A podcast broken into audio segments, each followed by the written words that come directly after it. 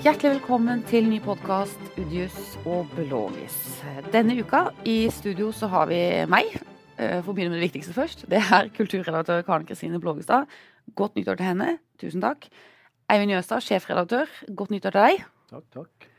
Vidar- Like måte, da. Ja, takk for det. Bruker du alltid Kristine når du sier ditt eget navn? Bare når jeg skal introdusere meg sånn høytidelig. Kommer Mm. snart til meg helst. Politisk redaktør Vidar Udius, velkommen, og Takk. godt nyttår. Ja, takk i like måte til begge to. Tusen takk for det. Ja, takk.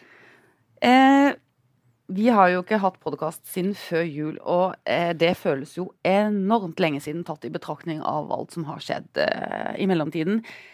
Arbeiderpartiet Trond Giske, først og fremst. Det har rullet og gått julen gjennom. Og det begynte jo som en del varsler mot Giske og var en Giske-sak, men har det nå blitt en Ap-sak? Eivind, jeg spør deg først.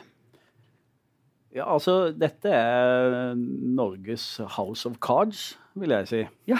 Alle som har sett den serien, så tenker at jeg får i hvert fall noen assosiasjoner til det, fordi det er ikke noe tvil om at uh, kjernen her er varslersaker mot uh, Trond Giske, og de virker alvorlige. At det har skjedd uh, ting her, og som han selv har innrømt, ikke burde skjedd. Så det er jo sakens kjerne.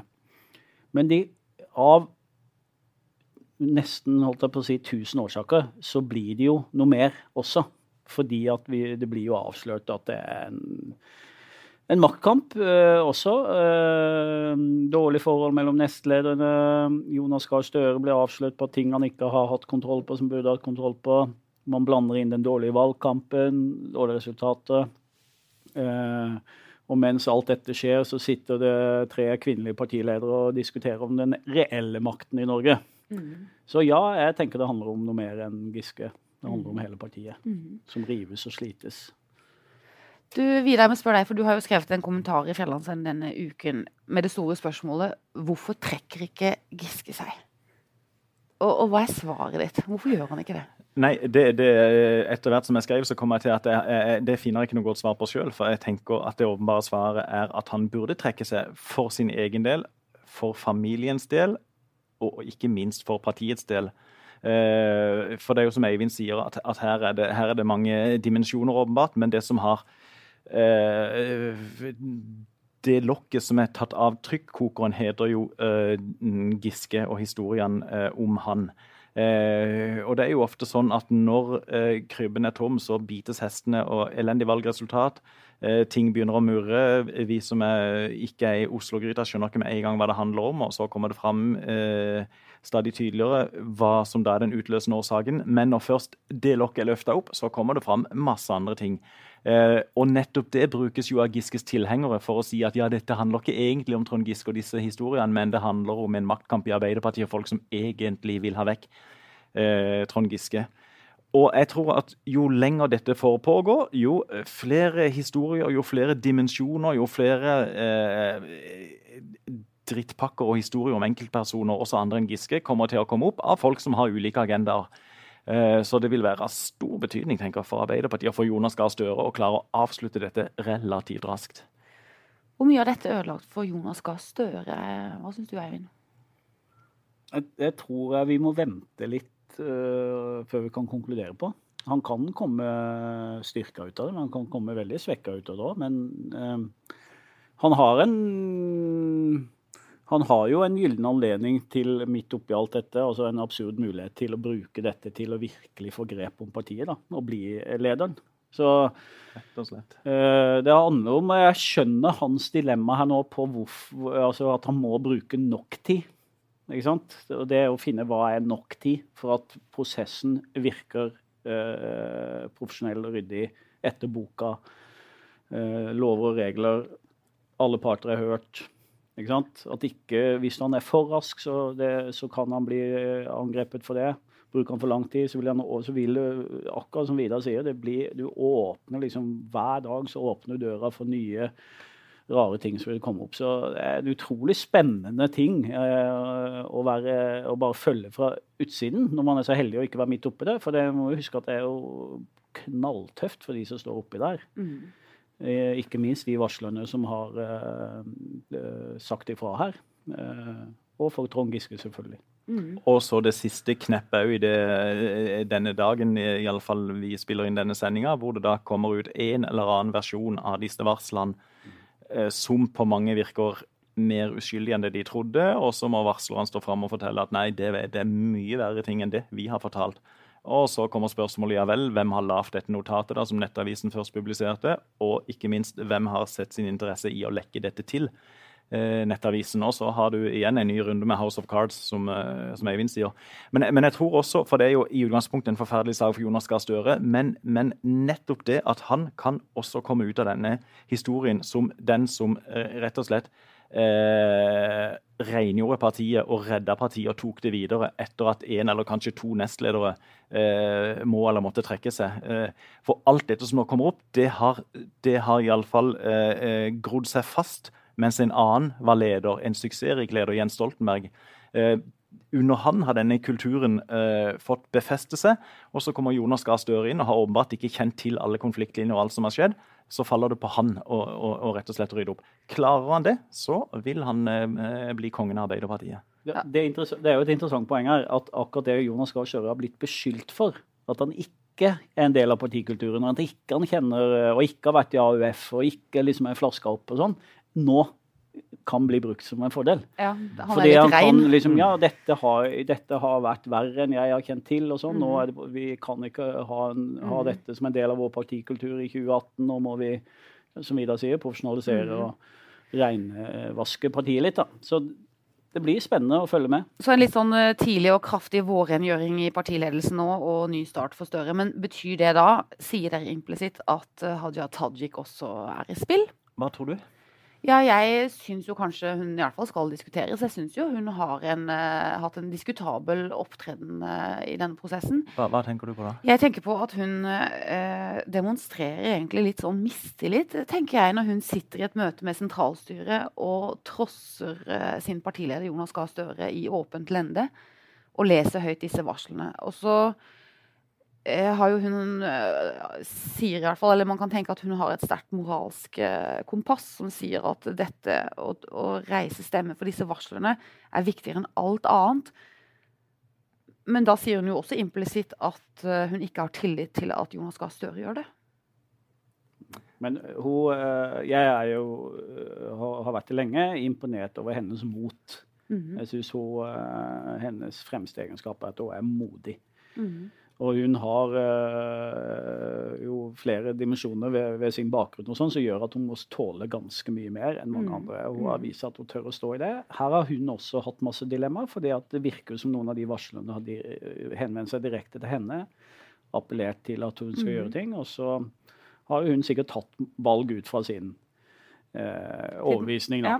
Og så er det jo interessant her også hvordan hun blir brukt i denne maktkampen. Fordi hun øh, gjorde muligens én feil når hun dro inn den juridiske dimensjonen. At hun brukte ordet at hun reagerte både som Rysta. Ja, var rysta. Også, Som jurist. og, så, og hang hun på liksom, den Ja. halen som jurist. Det har mange hengt seg opp i. Det syns Mhm. jeg har vært interessant å, Mhm. Å legge merke til nå. Hvordan Mhm. flere og flere stadig vekk kommer tilbake til det ene ordet. For det er det jeg mener det er det eneste du kan ta Haja Tajik på i denne prosessen. Det at hun leste opp i det, det der må vi være klar over Kanskje var det allikevel avklart med Støre. Hvem vet, altså. At han måtte si at han ikke ville det, men han visste at hun kom til å gjøre det. altså. Det er mye som kan ha skjedd her. Så jeg mener, Men det hun får kritikk for, det ene hun blir tatt for, er ordet at hun reagerte som jurist. Fordi hun da implisitt antyder at det har skjedd noe ulovlig. Og nå brukes det for alt det er verdt, for å, også de som er interessert i å trekke henne ned i denne Og hun kan, jo, hun kan jo bli trukket ned og ut av partiet, hun også. Også fordi at det har blitt en sånn maktkamp Mm. mellom forskjellige fløyer og Mm. personer i, i partiet. Og hvem vet om til syvende og sist, uh, urettferdig som det ville være, at de som da støtter Giske, og, og han har jo hatt en veldig veldig sterk stilling i partiet opp igjennom, bygd Mm. seg opp gjennom år, årtier, eh, i tillegg til å være en vanvittig flink politiker, syns jeg. Eh, men de som da vil se med sterk beklagelse, til dels frustrasjon på at han eventuelt må gå, kan hende vil de at Hadia Tajik også skal forsvinne i det samme fallet, for på en Mm. måte at det skal bli 1-1, satt Mm. veldig på spissen. Det kan jo òg altså, Jeg vet ikke, man skal være forsiktig med å sause alt sammen her, men nøkkelspørsmålet hvorfor trekker ikke Trond Giske seg, som du Mhm. stilte i stad, Vidar svarte bra på. Men, og det er veldig lett å være enig med Vidar at det er vanskelig å, å, å svare på det. Mm. Hvorfor trekker han ikke seg? Mm. Men eh, det for meg det er et utrolig interessant spørsmål å dvele ved. da. For det er jo noen grunner til at han ikke gjør det. Eh, eh, og det har sannsynligvis med makt å gjøre. Eh, det er knallhardt kamp om posisjon og makt der. Du har investert hele livet ditt inn i det. Kan det ha det med Haja Tajik å gjøre? Hun skal ikke vinne. Eh, Jonas Gahr Støre skal ikke vinne for, for enkelt. Er det andre i partiet som, han, eh, som er en del av dette? Eh, Men det kan jo også hende Eivind, at eh, det er jo en mann som er sykemeldt og nede for telling etter et eh, ganske kraftig eh, kjør før jul. Det kan jo hende at han er litt uh, ute av seg og ikke helt i stand til å lese helt klart hva som faktisk skjer, og, og trekke de riktige konklusjonene. Det kan jo være en menneskelig dimensjon der, tross alt. Ja, absolutt. Og, og kanskje også at uh, han har folk rundt seg som uh, er i stor grad ja-mennesker. Og Som eh, ja, og som heller ikke ja. Mm. evner å se at nå er, nå er det rett og slett på tide å si stopp. Ja, da, og det, synes jeg det er vanskelig å spekulere i. Men at det pågår en maktkamp, syns jeg er åpenbart. Og dette lekkasjen av dette notatet som du snakka om. altså Man kan bare spekulere i hva det er for noe, om, eh, og hvor det kommer fra. Det er er ikke sikkert vi får svar på, men at det er en del av et eller annet eh, spill, det er det. Når Jonas Gahr Støre skriver boken om eh, hva som skjedde i Arbeiderpartiets ledelse vinteren 2017-2018, så kommer jeg til å kjøpe den boka og lese den. Det kommer til å bli spennende. Da vil jeg låne den etterpå. Vil du låne den etterpå? Ja. Mm. Så skal jeg love ikke fortelle hvordan det går til slutt. Det er fare for at det kommer til å bli omtalt ganske raskt. Jeg syns det virker lettere å være sjefredaktør i Fjellandsvenn tross alt da, enn å være partileder i Arbeiderpartiet akkurat nå. Mm. Og så er det jo, Ja, og i, I så fall så, det, så, går, så går bokbransjen lyse tider i møte. Ja. Allerede boka om eh, Donald Trump er jo mye omtalt. Hvis Ja. eh, Jonas òg etter hvert skriver, så eh, kom igjen. Ja. ja, det er spennende. Det skrives eh, virkelig politisk historie i Norge akkurat i disse dager, i hvert fall. Det er helt sikkert. Vi skal eh, vende blikket og nesa litt mer lokalt. eh, fordi at vi har hatt en stor diskusjon i Fjellandsvennen denne uka. En diskusjon vi har hatt eh, før også. Og det er eh, denne kunstsamlingen som Nicolai Tangen har donert til Kristiansand, og som mange ønsker skal eh, huses i Kunstsiloen. Det koster eh, en halv milliard ca.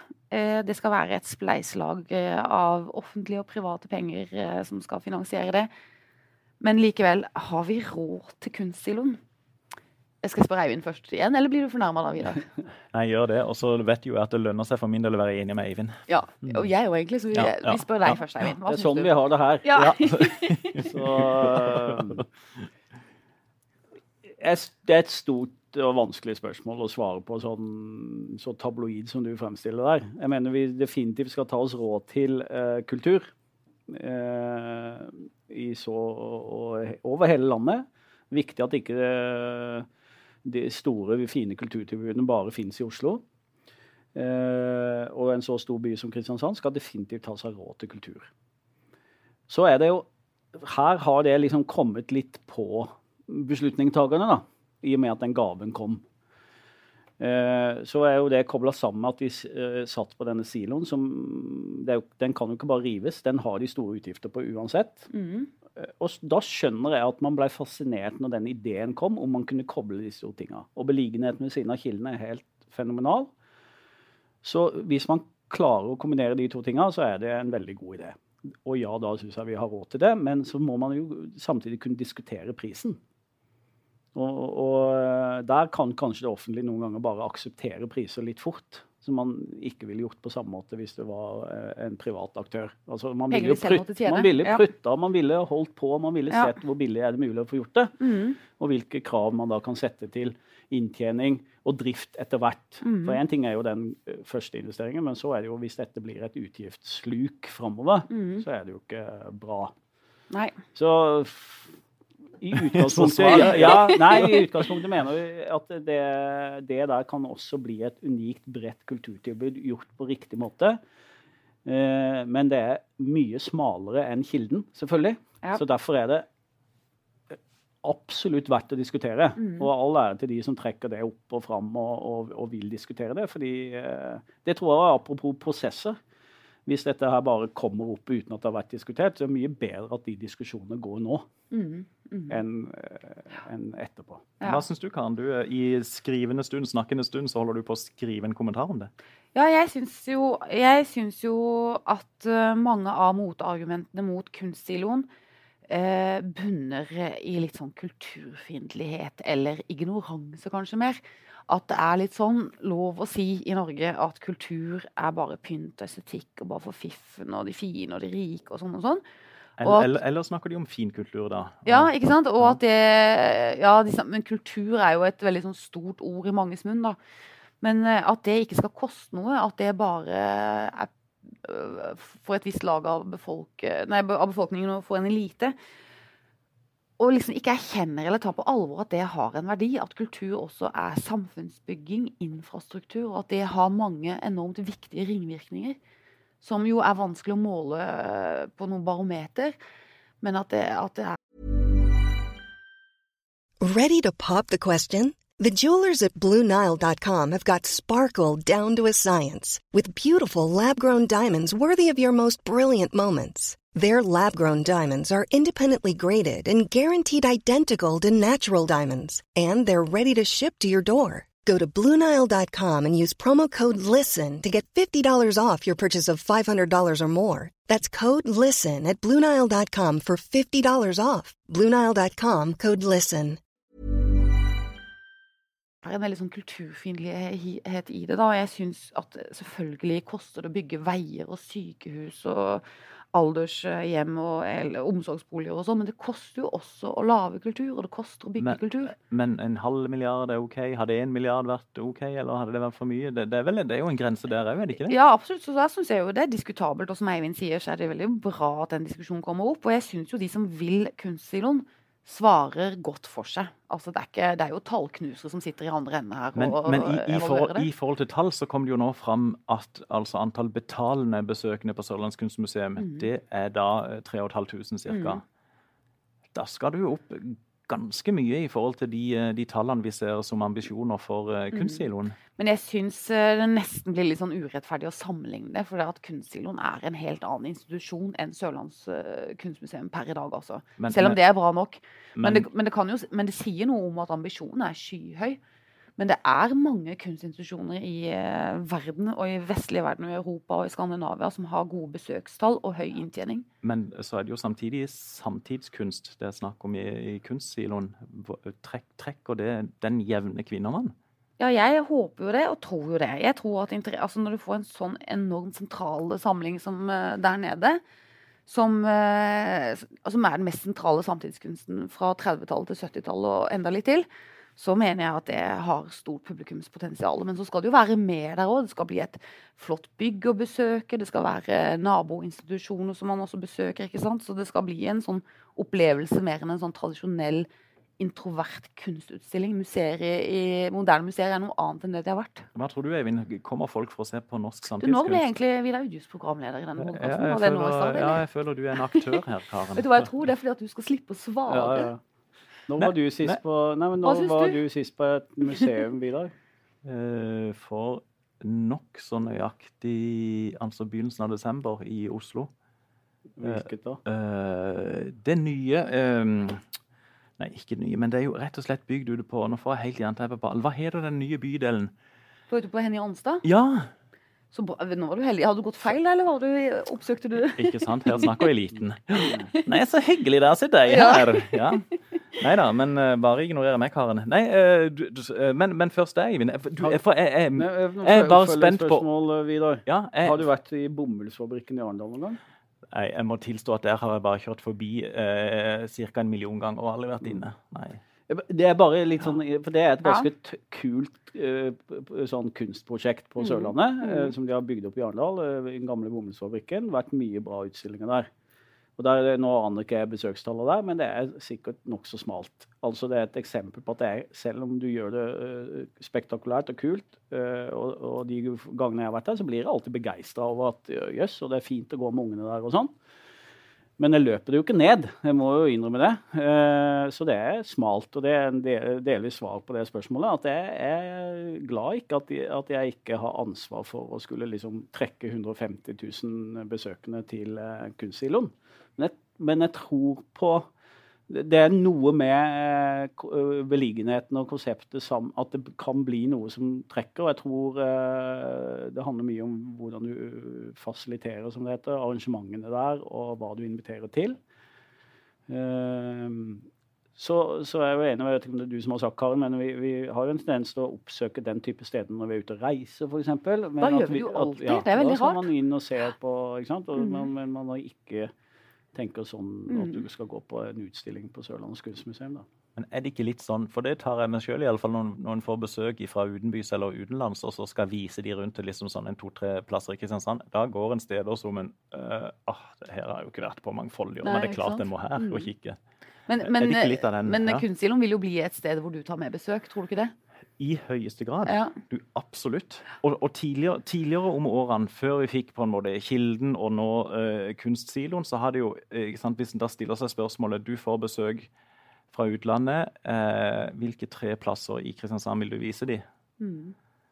Ja, Det har ikke vært så lett å bare skrift, OK, i Ravndalen som en naturperle, men så ja, ja, Markens Påsebyen. Ja, hvis du skal vise dem noe som virkelig er sånn dette Med smell i, ja. ja. Men uansett, det, det, tror jeg, det tror jeg jo Vi anbefaler jo alltid Arendal, da. Så det er ikke ja, kort vei til Arendal. ja, det er helt Har du vært i Pollen? ja, ja, ja, ja. Du, I utgangspunktet, konseptet er jo helt, helt genialt. Vi har den tomme kunstsiloen som, som ikke kan og ikke bør og ikke skal rives, eh, må eh, pusses opp. Og så kommer han da med denne kunstsamlinga og plasserer den inn der, og med den lokasjonen. Eh, helt fantastisk. Så, så vil det koste penger? Nei, så jeg syns det, det er rett og slett en eh, eh, en god idé. Og, eh, og jeg synes det er veldig viktig som Eivind sier, og tøft at disse her som reiser debatten, faktisk gjør det. Og at de kommer òg med, med tall og perspektiver og vinklinger som vi kanskje ikke hadde tenkt på i utgangspunktet her i Fevennen. Eh, og så til deres diskreditt, som jeg sier, ja, det er vel rett og slett de samme menneskene som er imot Kilden òg. Og den uh, har jeg inntrykk av at de fleste etter hvert syns er blitt veldig OK. Mm, og Men det er ikke det, så, sånn er det jo ofte med ting. Ok, Folk Ja. er, er imot garasjen under torvet, Ja. og så Å, Mm. hellandussen og fin han ble. Ja, ikke sant? Kjempefin garasje. jeg tør ikke si noen ting av frykt for den der eh, gjengen i Søgne som hudfletter meg hele Og, tida. og hvis man ser riktig langt tilbake i tid, så har jo verden ad- vært adskillig fattigere. De har likevel uh, brukt utrolig mye penger på å bygge katedraler for uh, åndsliv, religiøsliv. Ikke sant? Dette har vært dimensjoner som alltid har vært veldig viktige i menneskers liv. Høystemt. Det var, nå avslutter vi Det var salvelsesfullt. Ja, det var det. Oh. Det er Nesten at du skulle si amen. nå, Ja, jeg- men, jeg- eh, Vi gjorde ikke det. det satt litt langt inne når jeg snakket. Ja, ja. Du, eh, over til eh, eh, noe annet, som det heter. Uh, altså uh, Agderbenken. Sørla- Sørlandsbenken. Sørland, unnskyld. Sørlands... Ja, det var akkurat det jeg satt og lurte på veldig i hodet mitt nå, for jeg går litt i Du ball har i det hele pleid å være litt god på de overgangene, Karin. Ja, den var veldig kloss, den her. Ja, ja. Eh, Sørlandsbenken har vært på besøk hos lokalpolitikere i Kristiansand og Arendal. Flere steder òg. Ja, de var, de var, det er synd for dem, men de var i Kristiansand, og så kom Arendalsordføreren hit. De måtte hit, ja. Ja, De måtte hit. Ja, ja. de måtte det. Eh, Og som hun ene stortingsrepresentanten fra Aust-Agder sa når du kjører til Kristiansand, så er det umulig å ikke havne ned i det nye parkeringshuset. Så, Ja. Og det er jo helt riktig hva festning ga. da. Så Ja, ja. den ene fila Hjelp! Så er du plutselig på vei ned i parkeringshuset. Ja. Det går, sånn opplevelse av Kristiansand sentrum, ja. Det er Ja. godt uh, oppsummert. Mm. Men disse politikerne sammen har altså da erklært uh, kampen mot utenforskap som kampsak nummer én i regionen vår. Og de skal utvikle levekårsprogram og gå eh, i klingen på disse tallene som er veldig alvorlige. For Agder, da 40 000 i arbeidsfør alder, er utenfor arbeid. Og dette har jo vært, eh, Vi har snakket om det i podkasten her før også. Det har vært en snakkis i mange år. egentlig. Hvorfor klarer vi ikke å gjøre noe med det? Er det fordi vi ikke vet hva grunnen er? Vet vi ikke hvorfor det er så høyt tall på Agder? Det, det, det, det, og, og bare det at de ikke liksom umiddelbart kan svare på det spørsmålet, sier jo litt om hvor vanskelig det er å løse det. Men jeg synes nettopp derfor er det veldig bra at de nå fokuserer på eh, alle de som sliter med å komme inn i arbeidslivet, eh, som den største utfordringa vi har, og det som bare må løses. Og så, og så er det lett å si ja, 40 000 på Agder utenfor arbeidslivet. Det er søren meg én av fire i yrkesaktiv alder som ikke er på jobb. Og, øh, og under 30 år så, det, så tilsvarer det altså 80 skoleklasser med unge mennesker. Det, Så- det er så det, det, er så, det er så mange enkeltskjebner og så mange da, i det, det tilfellet unge mennesker at det er jo nesten umulig å, å sette seg inn i. Men jeg tenker det, det gode eh, er at for vi, Her må vi også ha med staten på laget. Og det veldig gode er at i regjeringsforhandlingene så var jo hovedsaken eh, en av dagene denne uka når Høyre, Frp og Venstre forhandler om regjering, nettopp dette med å få folk inn i arbeid mm. som ikke er i arbeidslivet. Og eh, hvis det kan presenteres prosjekter herfra som treffer den ideologiske ramma rundt det, som også regjeringspartiene er opptatt av, så kan det bli, bli tak rundt det og komme statlige penger. Vi burde jo drive sånn pilotpolitikk, og vi burde jo være sånn forsøksregion og bare prøve masse forskjellige ting her. for å få Og de har jo i, i Vennesla snakka de jo om eh, Toril Bransdal snakka om før hun fratrådte som ordfører, at alle eh, Pluss minus, jeg husker ikke akkurat ordlyden, men alle, enten var i en viss aldersgruppe eller ikke, som ikke er i jobb, eh, ikke sant? La, de, la de komme til kommunen og utføre kommunale oppgaver. Mm. Et eller annet sånn eh, spennende tanke. Mm. Du, hvis du var sjef på Agder, eh, Eivind, hva ville du gjort for å få ned tallene? Nei, vi prøver jo litt i den podkasten å, å være litt uenige og liksom argumentere for og mot. Så jeg tenkt, er det mulig å liksom være uenig i, med Agder-politikerne i at det er et viktig prosjekt, og det, det, det klarer jeg ikke, altså. Så det er litt selvsagt, men allikevel syns jeg det er bra at de, eh, at de setter såpass tydelig ord på det. da. Eh, Det er jo ikke en ny problemstilling. Nei. Eh, Men jeg tror jeg hadde jobba akkurat langs det Vidar trekker opp.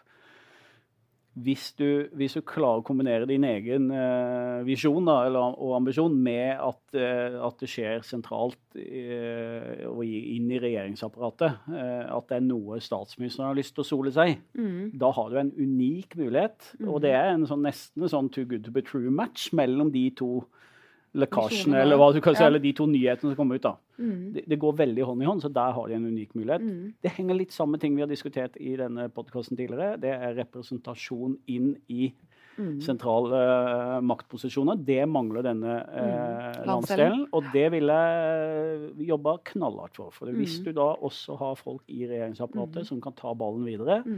Så vet du altså Folk som sitter rundt møtebordet, preger beslutninger. Mm. Når det ikke sitter noen fra Agder rundt noen sentrale møtebord i noe departement, Men hvis, så hvis, du, taper vi. hvis du skulle hatt en politiker som skulle få en maktposisjon i Oslo for å bøte øh, på, på disse tallene, som jo er kampsak nummer én, hvilket departement skulle den politikeren vært i? Altså, er det, er det sosialsektoren dette hører hjemme på? Er det næringslivsutvikling? Er det skolepolitikk? Er det Jeg tror, det, jeg tror eh, dette er så, nå så høyt på prioriteringslista at nesten samme hvilket departement du da eh, sitter i og eventuelt leder, så vil, eh, så Så vil du ha mulighet til å, til å spille, en, til, til å spille en, en rolle. Men ellers er det jo litt bedrøvelig at nå som det da diskuteres ny sammensetning av regjeringa, så har vi vel strengt tatt ingen klare statsrådskandidater nå heller ifra vår kjære landsdel. Nei, det er litt, øh, noen navn på sekretærnivå, men sånne åpenbare ledere er det vel ikke. Og når du sier sekretærnivå, så er det vel statssekretærnivå du mener? Ja, det var liksom en forkortelse. For, ja OK. ok, ja. Så ikke den, sånn og, ikke den som sitter og skriver på Nei. maskinen, mens de andre Nei, Sekretæren er nesten forsvunnet, vet du. Ja. faktisk. Ja. Nei, så det, er- og det, det henger jo sammen, som Eivind sier. De som er rundt et møtebord, preger jo selvfølgelig dette her. Så, mm. uh, uff. Men en får, bare, en får bare virkelig håpe nå at uh, at det kan bli en, en match mellom det. Og Harald Furre, ordføreren i Kristiansand, har jo tatt et initiativ allerede som de jobbes med for et sånn konkret prosjekt. Så Mhm. mye burde ligge, ligge til rette for det. Mm. Jeg så eh, SV-politiker Alf Holmelid lanserte teorien om at Agder alltid har vært så blå. At det var grunnen til at det var så levekårsutfordringer her. Men Nei, jeg tror ikke vi åpner den debatten. vi åpner ikke den debatten. Nei. Men eh, det er nok flere stemmer som mener mye i, eh, i den materien. Og vi får jo følge med, vi i pressen, da, på at det er trykk på saken framover. Ukas veddemål. Vi har diskutert litt hva som skal være veddemål, og jeg har bestemt, da, siden jeg er diktator, eh, diktator for denne sendingen, eh, at eh, vi skal vedde om vi i neste podkast har en ny regjering. Eivind, Nei. hvorfor ikke? Tar litt lengre tid. Vidar? Jeg jeg hadde tenkt å si det, så da sier jeg ja, vi har ny regjering eh, neste fredag. Ja. Karen? Jeg sier nei. Jeg synes det, er en, eh, det må være en komplisert konstellasjon. Jeg håper det er mye som lugger, mye som skal diskuteres. Jeg håper, jeg håper det tar litt lengre tid. Akkurat. Men, men tror vi at vi får ei ny regjering? Ja. Ja. Jeg tror vi, jeg tror, jeg tror, vi tror det nå. 3-0 Det ser, det ser sånn ut. Ja, og da har jo jeg tapt tidligere veddemål, for jeg har jo trodd at Venstre Ja. ikke ville i regjering med Fremskrittspartiet, men ja. det biter jeg i med. Ok, og så er det, deler vi ut denne lille verbale kaktusen, ukas selvkritikk. Eh, jeg, da begynner jeg med meg. Da begynner jeg med meg. Ja, da begynner jeg med meg. ja. For at jeg har egentlig nå bestemt meg for at jeg skal dele ut selvkritikk til samme adresse hver eneste podkast til jeg har fått det som jeg vil. Sånn at eh, de som tar ut eh, OL-tropp eh, og sånn, jeg skal dele ut eh, kritikk til de for at ikke Petter Northug er en selvsagt OL-deltaker i ski. Så han Løfshus, Lønnshus, hva heter han? Løfshus. Løfshus. Det, det, Vær så god. det, det røper solid grunnlag for påstand når du uh, Han Lønnshus, eller hva han heter. Ja. Mm. Ja, ja, ja. Ja, men jeg er veldig, jeg heier veldig på at Petter Northug skal være med i OL og skal være med i ski og med på landslaget og med i teten fortsatt. Jeg syns jeg er klart han får for død idretter og maktesløs altfor tidlig. Eh, videre. Eh, da kan jeg fortsette med deg, da, Vidar. Den, den går eh, aldeles soleklart til Leif Sande. Som oh, ja. altså han er tidligere fagforeningsleder ja. og er nå vara til Stortinget for Arbeiderpartiet. Utrolig nok med den vurderingsevnen han viser gang på gang. Og, tro og desavuere de her kvinnelige varslerne i Arbeiderpartiet og tro at det kun handler om en maktkamp som, som handler om at eh, Sandes nære forbundsfelle eh, Trond Giske skal fjernes. Nei, shame on you, altså. Og stakkars Trond Giske, som har støttespillere som Leif Sande. Mm. Det var kanskje en klem han kunne ikke hadde ønsket seg. De som vil dykke mer ned i det Vidar nå snakker om, kan lese bloggen til Leif Sande. Ja. Han har nemlig Faktisk. en egen blogg hvor alt dette kommer til uttrykk. Jepp. Ja, det tok jo eh, Er det lov å ha samme som noen andre rundt bordet? Ja. Det er lov å sam... Hvis det Ja, er hvis, meg. hvis det er meg. Ja. Nei, ja, det er ikke det, altså, Vidar. Eh, Jeg vil eh, også Jeg mener jo fraværet av selvkritikk på dette eh, skiledelsen, når du ser hvordan det har gått i Tour de Ski, at ikke det var plass til Petter Northug der, det tenker jeg. Er det lov å argumentere? Sett i ettertid, han burde vært med der. Du vet hva, ja, det er så rystende. Og jeg, jeg synes det er så rystende at ikke det er mer støy rundt. Kom igjen en gang til! Hvis det hadde vært, hvis det hadde vært lov til å argumentere på dette punktet, eh, så, Mm, det er ikke så det, ville vi jeg skal sagt avslutte eh, Og hva har Petter Northug gjort i mellomtida av Vi skal prestasjoner? avslutte nå, så det var ingen som hørte det siste du sa der, Vidar. Dessverre. Du får eventuelt holde det varmt til neste podkast. Tusen takk for at du har lyttet på denne uken. Vi høres igjen neste uke.